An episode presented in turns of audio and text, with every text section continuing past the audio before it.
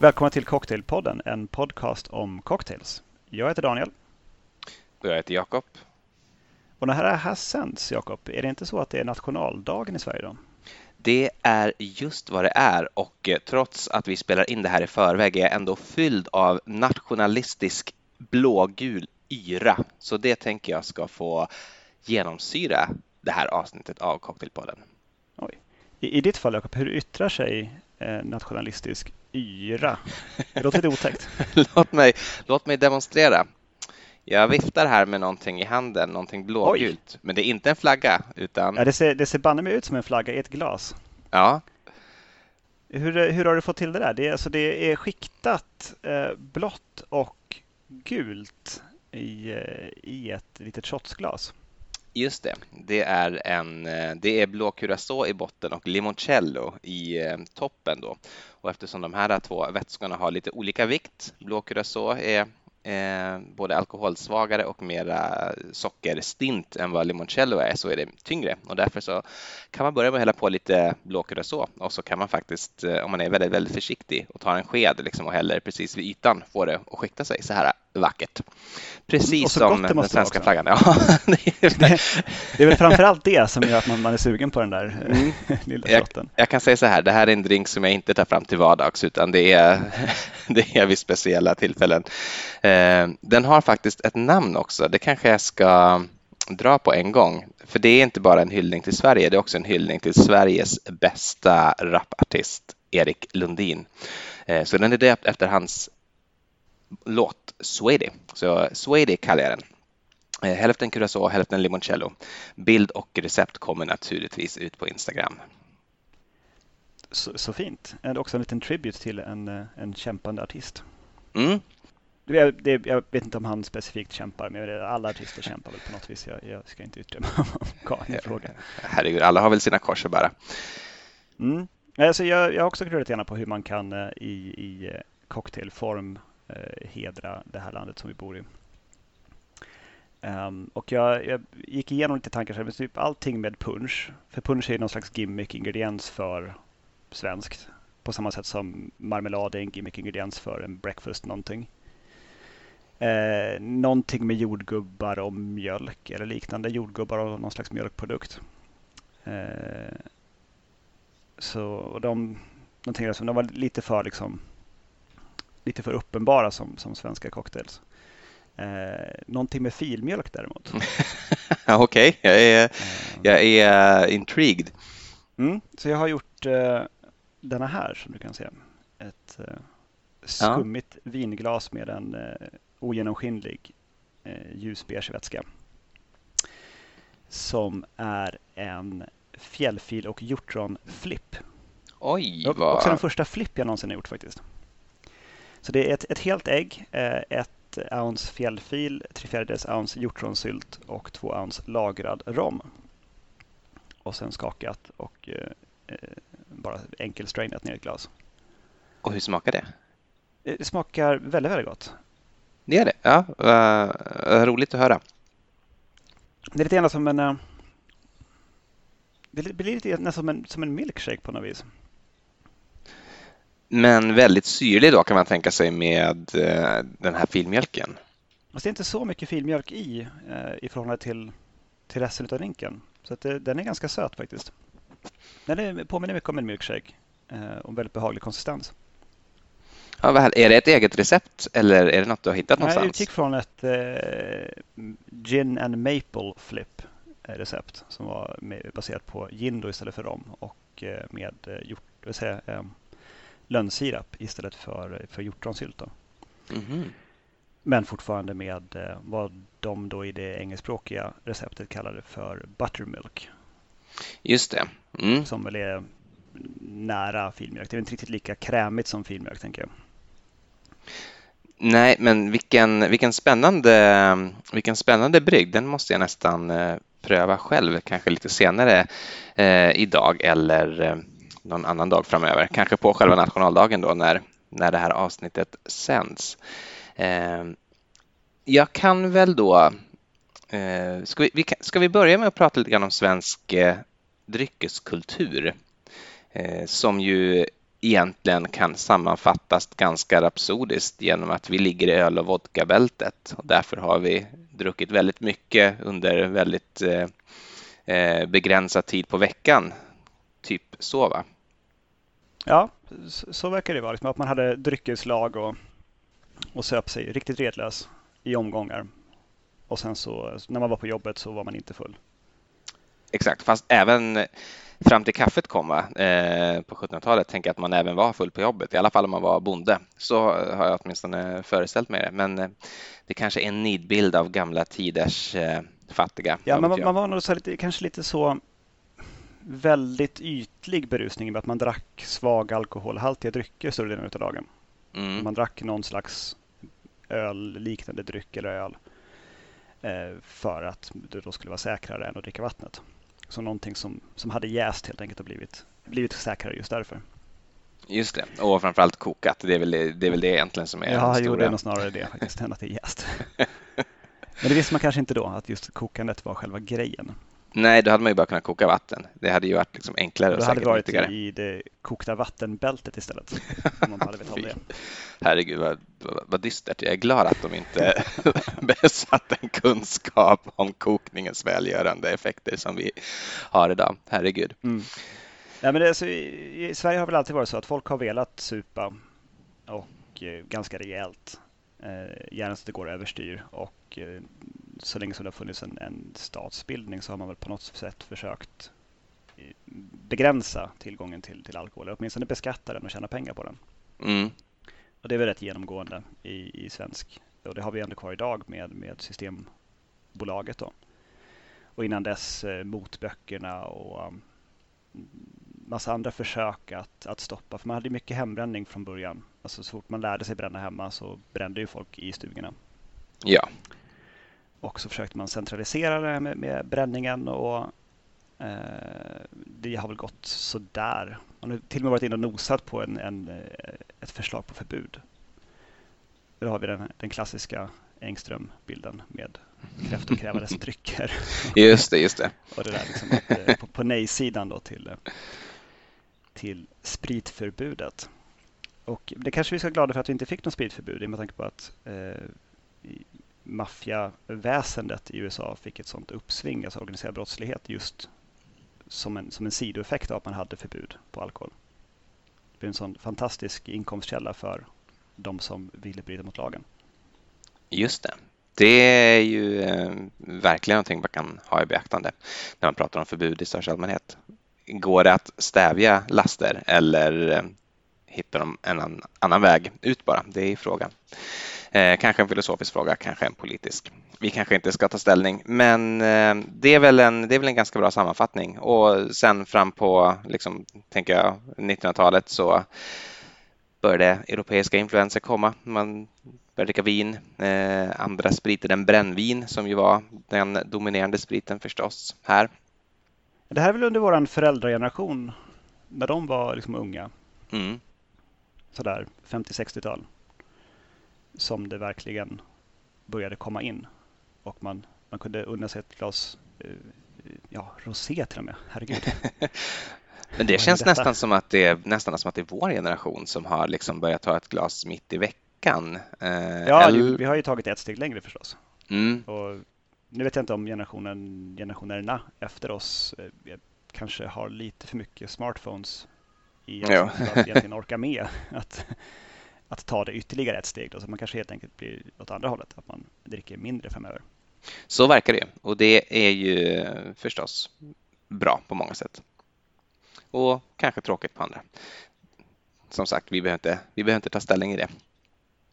Eh, hur som helst, eh, av brännvin då, som ju är en eh, destillerad sprit där man har eh, destillerat flera gånger för att försöka få bort Eh, dåligt smakande finkeloljor eh, med grund i potatis eller spannmål så kan man ju göra den kanske mest svenska av alla spriter, eller kanske den mest skandinaviska av alla spriter, kanske vi ska säga, nämligen akvaviten. Eh, och den finns väl i tre varianter, dansk, norsk och svensk. Och det är väl i princip i Sverige, Danmark och Norge som akvavit görs. Det finns en viss produktion i USA har jag förstått också. Har ingen aning om hur framgångsrik den är, men i mellanvästern så ska det finnas en del destillerier som tillverkar akvavit enligt eh, nordisk tradition.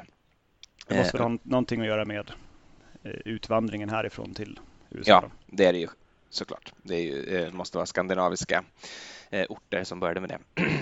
Ja, som han som gjorde Malört i I Chicago, just det. Jeppson. Jeppsons Malört. Eh, men vad, vad, är en akvavit egentligen?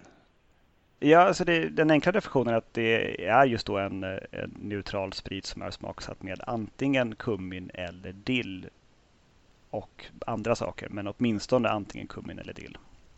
Just det, det är ganska fritt vad man i övrigt kan använda, men det ska vara dill eller kummin eh, i smaksättningen för att få kalla det för en akvavit. Va? Visst är det så? Så, så har jag förstått det. Och det, kummin är ju vanligt. Väldigt mm. vanligt som, som krydda. Dill är väl inte i, i alla. Eh, jag tror herrgårdsakvavit har väl dill och kummin. OP har nog dill, kummin och fänkål tror jag. Du har väl en flaska OP intill det där? Jag har det. Ska se vad det står på den? Eh, Sveriges äldsta och mest anrika akvavit. Klassiskt kryddad med kummin, anis och fänkål. Aha. Så det är ja, Sveriges mest anrika, men då, då behöver man inte ha någon annan. Det är bara att köpa, köpa OP. Liksom. Ja, eh, som jag har förstått det så är Skåne, som är en annan, en annan omtyckt akvavit, egentligen bara en nedvattnad version av OP. Det var det de liksom siktade på när de skapade Skåne någon gång på typ 30-talet eller 20-talet. det där ska du nog tala tyst om när du är just i Skåne. det kan bli känsligt annars just i efter den fjärde snapsen eller någonting så bara, jo visste du förresten att eh, eran eh, akvavit, det är bara en nedvattnad version av någonting som är från Uppsala eller Stockholm eller något sånt där? Var, var kommer jag vet, ifrån? Jag vet faktiskt inte vart OP kommer ifrån. Det, eller någonting. Eh, det framgår tyvärr inte. Nej, eh, det, det, kanske står någonstans i den finstilta texten, men eh, låt oss inte slösa tid på det. Mm. Eh, jag har i alla fall gjort en drink idag också som innehåller akvavit. Akvavit är ju inte bara en drink som vi dricker till kräftor och till sill på midsommar och i augusti här i Sverige.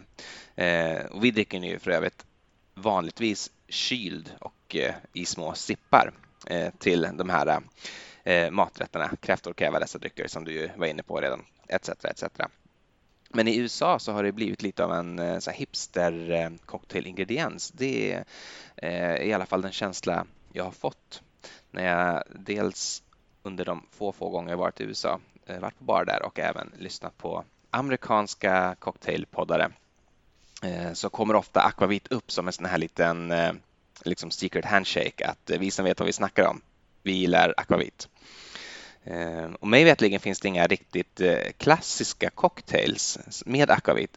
Det finns en massa klassiska cocktails som finns i varianter där man använt akvavit istället för gin eller istället för vermouth eller sådär. Men mm, det är sådana som jag har hittat.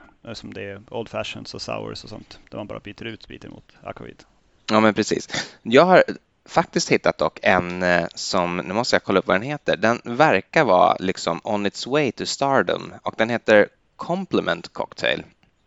Och eh, eh innehåller eh, Plymouth In i en och en halv eh, Eh, uns eller ounce, tre fjärdedels ounce akvavit två skvätt maraschino-likör och eh, garnera med en dillkvist. Den har jag framför mig här och eh, den är riktigt läcker. Den är frisk, påminner lite grann om en Tuxedo eller en Improved Gin Cocktail eh, ifall det är någon som är bekanta med de eh, drinkarna. Eh, väldigt god, kan absolut rekommendera istället för snapsen till kräftorna eller till sillen. Den här är uppfunnen i Köpenhamn så den är ju egentligen inte svensk från början och ur receptet eh, stipulerar också att man ska ha Ålborgs akvavit. Men jag har ju då eh, försvenskat den förstås med ett, eh, vad jag tycker själv, listigt litet knivhugg i ryggen på, på, broder, eller på, på grannfolket genom att använda då OPs akvavit istället för Ålborg. Så skål och skål för, skål för Sverige! Ja. Där fick de danskarna. ja, där fick de. Så klassiskt. för, för den, den vart ju förstås eh, bättre, tycker jag, idag eh, genom denna lilla justering. Mm.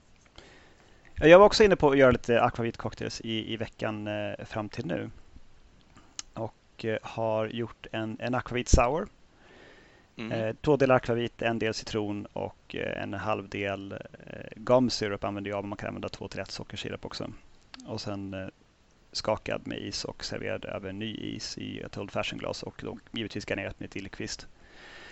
Eh, Herrgårdsakvavit använde jag, för det var det jag hade. Jag sådana små miniflaskor kvar från någon fest eller någonting. Någon eller, kräkor eller kräftor eller något sånt där. Liksom, mm. som, sådana miniflaskor. Um, och sen har jag gett mig på en daiquiri-liknande variant också.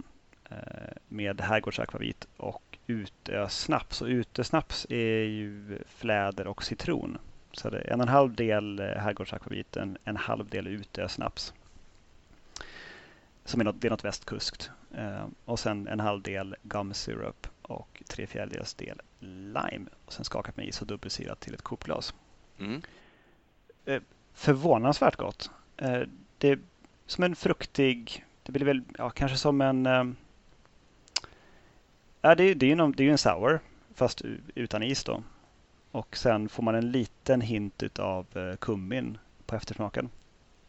Mm. Jag kan ändå se hur det skulle kunna vara rätt uppfriskande. Ja, jag tyckte den var väldigt god och jag gav den också till Emelie och det, det, är svårt att lista ut vad det är för bassprit för att kummininslaget blir så pass subtilt. Det kom verkligen som en, en liten hint bara i eftersmaken. Um, sen så eh, gav vi oss på, det var väldigt fint väder, så vi gav oss på en tiki-drink också. Så vi gjorde en, en Viking Fog Cutter.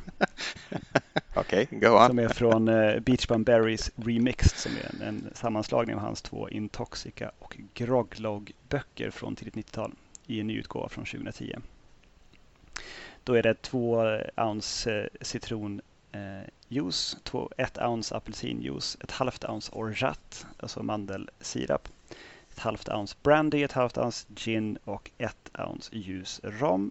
Och sen skakat och upphällt och osilat, så man tar med den skakade isen till, i tikimuggen då, eller ett större glas. Och sen så lägger man eh, som en float ovanpå ett halvt ounce akvavit. Mm-hmm. Mm. Mm. Så det är inte mer, det är inte mer när man skakar. Och sen så garnerar man utav med så mycket som man orkar och hinner. Så det kul. Det är ju en, en, en tropisk tiki-drink. För du har ju liksom den typen av smakprofil. Men du får på näsan så får du eh, kummin och akvavit. Men tycker du att det är, är det liksom en novelty drink eller är den, eh, är den bra nog att, eh, att uh, göras till sig själv eller till en vän utan att man har ett liksom akvavit-tema för kvällen eller sådär? Ja, det tycker jag. Jag tycker att den, den står den står för sig själv. Sen rör man om lite grann så får man ner sin akvavit i också och får, får det också på, på gommen. Jag tycker absolut att den, den kan stå för sig själv. Mm, vad kul. Men ofta är det ju nog så att den, den, är med på en meny på en tiki-bar för att man vill ha någonting. Jag tänker typ i Aqua Aqua hade de nu drinkar på eh, akvavit också. Det är tiki-baren i Oslo. Mm. Eh, för att det, de är i Norge och då behöver de ha någonting på akvavit. Men det blir också väldigt, väldigt bra. Just det, och apropå Norge och akvavit, ska vi bara dra lite grann skillnaden mellan norsk och eh, övrig skandinavisk akvavit? Eh, som ju är egentligen att den norska akvaviten tenderar att vara lagrad på ekfat och är därför eh, mörk, eh, betydligt mörkare. Nu är ju OP också eh, lite vackert halmgul sådär, men eh, norsk akvavit är ju riktigt, riktigt mörk. Eh, ni kanske har kommit i kontakt med Linje som är ett eh, känt eh, brand från Norge som tillverkas av Arcus, deras för detta statliga bolag som väl nu finns börsnoterat tror jag. Man kan köpa in sig i om man är intresserad av sånt. Men det som är speciellt med Linje Aquavit är att eh, det lagras ombord på skepp som åker hela vägen till Australien och sen tillbaka och, och därigenom då korsar ekvatorn två gånger som på norska då ska kallas för linjen helt enkelt. Eh, därav namnet. Och som så många bra uppfinningar så har den här tillkommit genom ett misstag. Har du hört eh, bakgrunden? Ja, men du får jättegärna berätta för, för våra lyssnare. Jag är glad, glad att du inte bryter illusionen här. Eh, ja, det här ska tydligen varit någon gång på 1800-talet då eh, man sålde akvavit och skeppade ut världen runt och bland annat en laddning ska ha gått till Australien och för att klara hela vägen dit så la man den på fat och satte iväg den då. Men under resans gång. Det här tog ju förfärligt lång tid förstås, för det fanns ju inte modern sjöfart eh, på den här tiden, utan man var utlämnad till väder och vind etc. etc. Eh, så under resans gång så hinner köparen gå i konkurs och när de anländer i hamnen i Sydney så finns det ingen att ta emot spriten. Så det är inget annat att göra än att bara skicka hem det. Eh, så det kommer tillbaka och då har det legat på de här faten i kanske tre år och guppat upp och ner på vågorna och, och varit i alla möjliga olika klimatzoner och sådär. Eh, och norrmännen som öppnar tunnorna märker att det här är mycket, mycket bättre än det vi skickade iväg. Det här är i själva verket den bästa akvaviten genom tiderna och bestämmer sig för att från och med nu ska vi bara göra lagad akvavit. Och man försökte göra det här hemma men eh, tydligen så var det aldrig lika bra om det inte fick eh, den här resan. Så det slutade med att man producerade det genom att fortfarande sätta det på skepp och skicka det till Australien och tillbaka. Och enligt Arcus själva då, så ska de ha gjort försök att simulera det här på något sätt för att slippa den här dyra processen. Men att det har blivit eh, jätte, jättedåligt, att det inte alls blir samma sak och att de därför nu har slutat ens tänka i de banorna utan det är bara, det är bara att skicka till Australien och, och sen hem igen. Det är det enda sättet att få den här eh, mjuka, härliga, runda, komplexa smaken. Jag vill leva i en värld där det där är sant. Att mm. man faktiskt på riktigt skeppar iväg den. miljöovänligt som det är så är det fortfarande, det, det gör ju någonting till. Du eh, alla har väl läst någon gång liksom den här väldigt kortfattade beskrivningen på etiketten på linje akvavit där det bara står så att man, ja men vi skickar den över ekvatorn och tillbaka. Eh, och så bara, ja, ja, jo, men det, det gör de väl inte. det är helt orimligt. Men ja, som sagt, jag, jag, jag, hoppas och tror att, eh, att de faktiskt fortfarande håller på på det viset. Helst också i gamla träfartyg med fara för liv och lem. Ja, ja, annars blir det inte rätt smak. Nej, alltså det borde inte bli exakt samma om den typ går på ett ganska stabilt containerfartyg som liksom inte, inte skvalpar så mycket. Nej, jag tänker också det, att det måste, det måste ju ändå vara lite grann som det var på den tiden. Eh, ja. Mm. Eh, det kanske var det om akvavit. Eh, punch har ju du varit inne på i tidigare avsnitt med mm. din Swedish Daiquiri. Just det. Så där känner jag att vi kanske är klara med punch. Punch känns också så uppenbart eh, på något vis.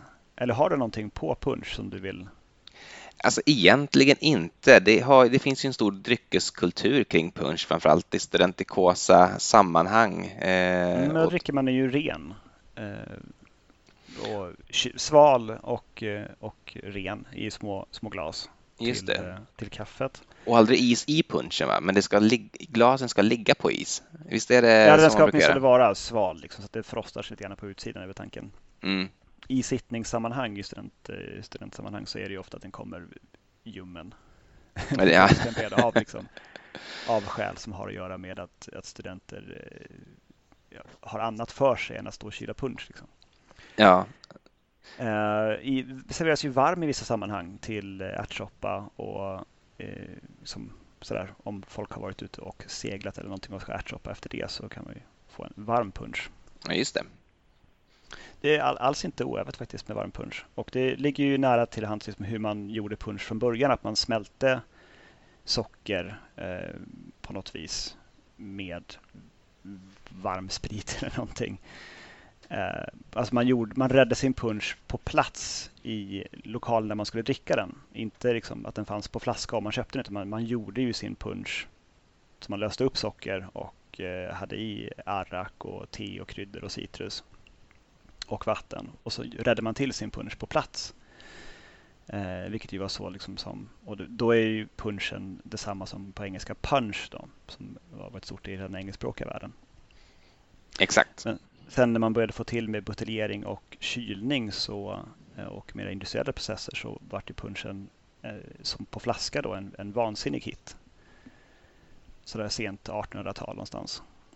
Och det är väl det som lever kvar än idag. För mycket av våra traditioner som vi har idag med midsommar och, och kräftskivor och allt sånt, det är ju typ 1890, början på 1900 någonstans där som man liksom satte igång med allt det här. Innan dess har man inte haft det, utan det liksom cementerades ihop de här traditionerna som vi har idag. Ja, precis. precis. Även innan har det väl varit mer egentligen alltså väldigt regionala traditioner. Men det här är väl ett projekt, alltså en del av ett projekt att, att skapa ett land, att skapa en nation av mm. egentligen massa, massa små, lite mera oberoende av varandra samhällen. Eh, då måste man ju ha ritualer att eh, samlas kring. Och varför inte ritualer kring punch? Det är väl så gott som något. Ja, eh, jag tänkte igenom på lite andra alltså ingredienser också som är lite sådär åt det svenska eller åtminstone det nordiska hållet. Nämligen mjöd, gran och rabarber. Mm. De tycker jag känns väldigt nordiska allihopa. Så att jag eh, hittade en flaska med mjöd på Systembolaget som heter Medovarus. Eh, rysktillverkad faktiskt. Av, alltså en mjöd av ett gammalt snitt som har väldigt mycket kryddning i sig. Så det är eh, honung, jäst humle, eh, lite kryddor, johannesört, malört, kanel, ingefära, muskot, kardemumma, koriander och kryddnejlika. Så det är en väldigt kryddig sak. Och, eh, påminner lite grann om en, en ganska söt Amaro. Men också lite mm. beska i bakgrunden. Så att jag fick en idé att göra en, en mjöd Manhattan eller, en, eller Median Manhattan. Eller... oh, Median Manhattan, det är, det är, det är namnet. det, det, det är så den ska heta. Ja. Så eh, då är det med, med rye och eh, den här mjöden. Då. Den är väldigt, väldigt lite kolsyra så jag tycker inte att man, man märker av det när man har rört den. Mm. Eh, och eh, den påminner lite grann om en, eh, en Dark Manhattan i, där man har eh, Averna i. Men inte fullt lika bitter kan jag gissa. Nej, men man har ju i eh, bitters också. Ja, ja. Mm. Aromatic bitters i. Så det kan man ju styra lite grann hur mycket bitterhet man sätter i. Jag tycker det är väldigt, väldigt gott. Eh, en sån här, det är ju en vanlig liksom, ölflaska Eh, med mjöd. Man ska, tanken är att man ska dricka den som en, en öl. Mm. Så att jag, jag, jag, kan inte spara den riktigt heller nu. Det, det gick ju åt ett ounce för att göra den här cocktailen. Och sen vet jag inte, jag får sätta en kork i den liksom och se hur länge den håller i, kylen. Ja, det är nog till imorgon, max. Ja, precis. Och sen, på, på sig självt så är den ju väldigt söt. Man får en honungskick så i smaken på den. Och jag, jag, vill ju tycka att mjöd är gott, men jag, jag, jag tycker det är svårt faktiskt. Mm. Det, det, blir så sött mm. på sig, för sig självt. Men nog, jag tror att det finns torr mjöd också. Eh, men, eh... Mm, det har jag smakat också. Men det gillar jag inte heller. det, jag, jag, liksom, jag, det är kanske bara en tidsfråga så sitter jag och eh, har dryckeslag med, med färskbryggd mjöd. Eh, och kastar yxor och sådant jag vet inte, det känns som att det hänger ihop på något vis. Eh, kanske det. Ja, um, och sen eh, rabarber då. Uh, förra sommaren så gjorde jag en, en rabarberlikör som jag fortfarande har kvar utav. Så jag har inte kvar receptet men det är i stort sett att man gör en rabarbersaft enligt recept på rabarbersaft. Och sen slår man i lite sprit i det så blir det en rabarberlikör. Mm, mm. Så då har jag gjort en rabarber aviation. Mm. Som, eh, blir väldigt, väldigt bildskön. Oj, ja, den är jättevacker. Så, väldigt så blek, rosa, blå lite grann. Och sen har jag lagt en, en pensé i den också som får flyta omkring. Det är ju en tjusig blomma som också är ätlig. Eh, då är det två delar gin, eh, tre fjärdedels del citron, tre fjärdedels, alltså, tre, jo, tre fjärdedels del rabarberlikör och sen en tesked maraschino-likör. Och eh, höll på och provade länge fram och tillbaka tills jag liksom kom på att få i bara en liten, liten sån tesked eller barsked av maraschino var det som behövdes. För att mm. sy ihop drinken. Som så ofta, det är ju den är så vansinnigt användbar, maraschino-likören. Nästan allt lyfter alltså. Det, den är mm. väldigt bra. Och i så små mängder också. Mm. En flaska räcker ju ändå väldigt länge om man inte ger sig väldigt mycket på uh, last word spinoffer. Ja, just det. Då går, då går den ju åt. Liksom. Annars är det ofta en krydda liksom, och inte en eh, bas eh, i de flesta drinkar där den eh, gör sig bra. Mm. Och sen granen då, kan du lista ut ungefär vad jag kan ha hållit på med när det gäller gran? När det gäller gran, jag gissar att du har använt det som någon sorts garnering. Nej, det har jag faktiskt inte gjort. Jag lärde mig i förra avsnittet att, att ha en grankvist i drinkglaset det är mm. förenat med obekväma sippar. Man får granbarr på näsan. Nu är det nästan för sent för granskotten, men om du har någon skuggig del av tomten och granskott kvar där så kan jag tänka mig att du kunde muddlat granskott kanske och gjort någon sorts sirap på det. Mm, du, är, du, är nära på det där. För, men jag tycker att de här granskotten när de är så väldigt ljusgröna som de är på våren, mm. de smakar inte så mycket gran. De smakar lite mera tropisk frukt och någonting annat. Det är när barren har blivit lite mörkare gröna men fortfarande lite mjuka som de har eh, gransmak, alltså riktigt som det man förknippar med gran. Så jag var ute och plockade några sådana lite mjukare bitar. Inte, inte riktigt blivit vedigt i dem ännu. Så det är fortfarande ganska mjuka i, i stuket men ändå barriga. Eh, och sen så mixade jag dem med eh, vatten i en, i en blender och eh, silade bort barrbitarna genom en silduk. Så vart det som en grön väldigt grön vätska. Mm. Som jag sen vägde upp lika delar socker och sen har skakat tills sockret har löst sig. Så jag har inte värmt upp den någon gång. Ja, ja. För de gransiraper som jag har hittat, de är, där har man ju kokt granskotten och utvunnit socker ur dem och gjort någon slags sirap utav det. Men den smakar ju inte gran. Den här väldigt gröna eh, Simple Syrupen då som det är, eh, har en väldigt tydlig gransmak. Så den har jag använt som sötningsmedel i en eh, surgran får det väl bli då. Alltså en sour, en gin sour med eh, gran simple syrup. Så en, en enkel 2-1-1 eh, ratio. Det är två delar gin, en del citron och en del eh, simple syrup. Och det är då det, det är lika delar, alltså socker och vatten, så det är en 1 till 1 simple syrup. Så hade jag gjort den lite sötare så hade jag fått minska ner den förstås. Mm. Och den ser ut så där. Och istället för eh, grankvist så har jag en eh, bit lavendel, en kvistlavendel. Det var det det var, ja. Mm. Den var vacker. Ja, Fint glas också tycker jag, för övrigt. Mm. Och jag tycker att det går igenom eh, gransmaken. Mm. Så man får den här, um, ungefär som att man liksom har tuggat lite grann på några granbarr när man skog, går i skogen.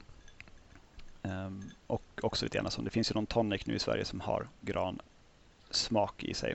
Just så. det. Den tror jag vi också nämnde om det var förra eller förra, förra avsnittet. Tror att den har, har kommit upp. Kommit på tal. Jag tycker att de borde höra av sig snart med någon slags sponsringsavtal. ja, verkligen. Vi finns på cocktailpodden gmail.com. etc, etc. Eh, jag börjar bli klar. Jag har egentligen en, eh, ett litet segment kvar som jag skulle vilja prata om. Har du någonting mer Eh, ja, jag hade en till som var på filmjölken faktiskt, men den som jag inte har provat ännu. Det är för att det tar lite tid. Eh, då måste man först utvinna, vad heter det, det här vätskan som finns i filmjölk. Om man sätter den i ett kaffefilter så kommer det ut vasslan. Ja, just det. Filmjölksvassle ska man utvinna. Så ska man ta vodka, Lille Blanc och eh, vassle, citron och fläderlikör och så lite bitters. Och sen skaka det och eh, sila upp i ett kokglas. Låter vansinnigt spännande, men ännu inte provat. Nej, men det får väl det får bli någonting för veckan som kommer. Eh, mm. Jag har, eh, jag har kollat lite grann på klassiska svenska drinkar överhuvudtaget och det har jag gjort genom en bok som jag köpte alltså, på... Gröna hissen? Ja, vi får se. Ragnar, geting. Eh, nämligen... Galliano Hotshot, den har vi inte nämnt på flera avsnitt nu. Stora boken om drinkar och andra drycker utgiven på ICA förlag någon gång i slutet på 80-talet. Mm, den, den finns på loppisar lite då, då? Ja, den ser man då. Den är ganska rolig faktiskt. Eh, och jag kommer inte dra alla. Jag vill, jag vill ha ett litet hedersomnämnande. okay. Det går inte igenom hela boken? Okay. Det tror jag våra lyssnare är tacksamma för faktiskt. Jag tror också det. Eh, åt, åt drinken North Pole, som jag tror den ska heta egentligen, men som konsekvent i den här boken kallas för North Pool. Eh, som en swimmingpool? Just precis, inte som en, en Nordpolen då, utan Nordbadbassängen eh, som är lika delar vodka och punch eh, garnerat med socker och citron. Och eh, på bilden här har de en alldeles, alldeles vansinnig sån sockerrimming. Eh, den är säkert en halv centimeter tjock, jag har aldrig sett något liknande. Eh, den har jag inte prövat än, men jag har eh, men är det någonting har... punch behöver så är det ju mer sötma. Mm, verkligen. Det är lite vodka i den här i och för sig också. Men jag har provat den andra drinken som eh, du nämnde vid namn, nämligen gröna hissen. Den har jag här. den börjar tyvärr kolsyran gå ut ur, så jag vet inte om du ser eh, att russinen... Den är väldigt vacker ändå. Den är fin och jag tog en liten, gjorde en liten video på den precis när den var alldeles ny där man kunde se hur, eh, hur russinen då for upp och ner som den ska göra. Det är det som gör det till en hiss. Oj, det visste jag inte.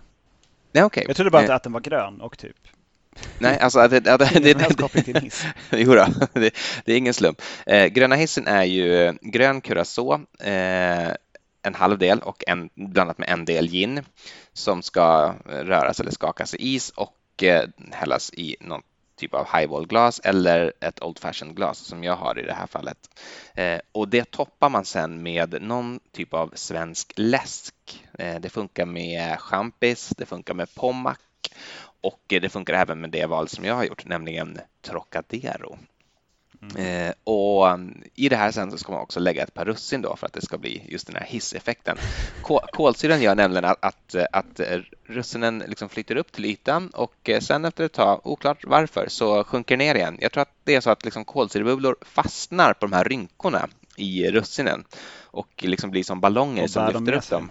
Exakt, men sen så till slut så lossnar de igen då och då sjunker eh, de här ner. Så det blir en ganska rolig liksom, effekt när de åker upp och ner i glaset. Men vad eh. härligt gimmickigt att, att ha liksom en hel drink kretsande kring att man ska ha russin som flyter upp och ner. Mm. Eller är den jättegod? Det är så här, den är, den är alldeles, alldeles för söt.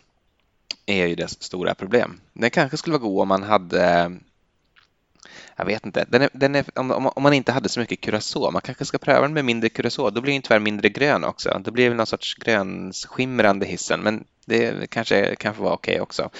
Den är väl egentligen inte så himla god om man inte verkligen dricker den iskall. Då tycker jag att man kan komma runt det här eh, eh, otroliga sötman. Så första klunken som jag tog innan vi tryckte på räck, den var riktigt, eh, den var riktigt bra. Nu är, den, eh, nu är den tyvärr ljummen efter vi har suttit och pratat en halvtimme eller vad det kan vara. Och eh, har förlorat en del av sin då fräschör. Eh, jag tycker att det här är en drink som man kan bjuda sina vänner på, men det är, det är tyvärr lite av en gimmickdrink. De, de, man måste ha historien liksom bakom den. Man, man, man, måste känna det här härliga nostalgiska svenska 70-talet för att till fullo Man måste kakla om köket brunt, mm. helt enkelt, för att få rätt, rätt stuk. Exakt. Eh, ändå glad att jag gjorde Och den är vacker, det ska sägas. Den är, den är riktigt fin som ni ja, kommer väldigt att kunna titta. Om du går in på, på vårt Instagram-konto där jag lägger upp en liten film på russinen som sagt. Eh, annars så Annars så har jag egentligen ingenting mer att säga om det här landet och dess drycker för den här gången åtminstone. Hur är det med dig? Jag, jag känner att vi har, vi har väl avhandlat Sverige för den här gången vill jag säga. Det, det kommer ju flera nationaldagar och även andra högtider som vi kanske kan glida in i närheten på det här temat igen. Men jag ser fram emot ett kommande avsnitt där både du och jag ger oss på eh, grannlandet i öster som vi båda har personlig anknytning till genom släktskap, nämligen att vi ger oss på och tolkar Finland. Eh, som, inte, inte, inte vad som sker på den finländska cocktailscenen, för det har vi ingen aning om. Eh, utan vi bara helt enkelt på eget bevåg dömer vad Finland är och borde vara i cocktailsammanhang. Det kanske blir vad det borde vara. Varför inte? Det tycker jag att vi eh, lämnar eh, som ett löfte till lyssnarna. Ja, någon gång så kommer Finlandsavsnittet. Stay tuned. Kippis! Ja, kippis. Ha en trevlig kväll, Jakob. Detsamma, Dan. Hej, hej! Hej!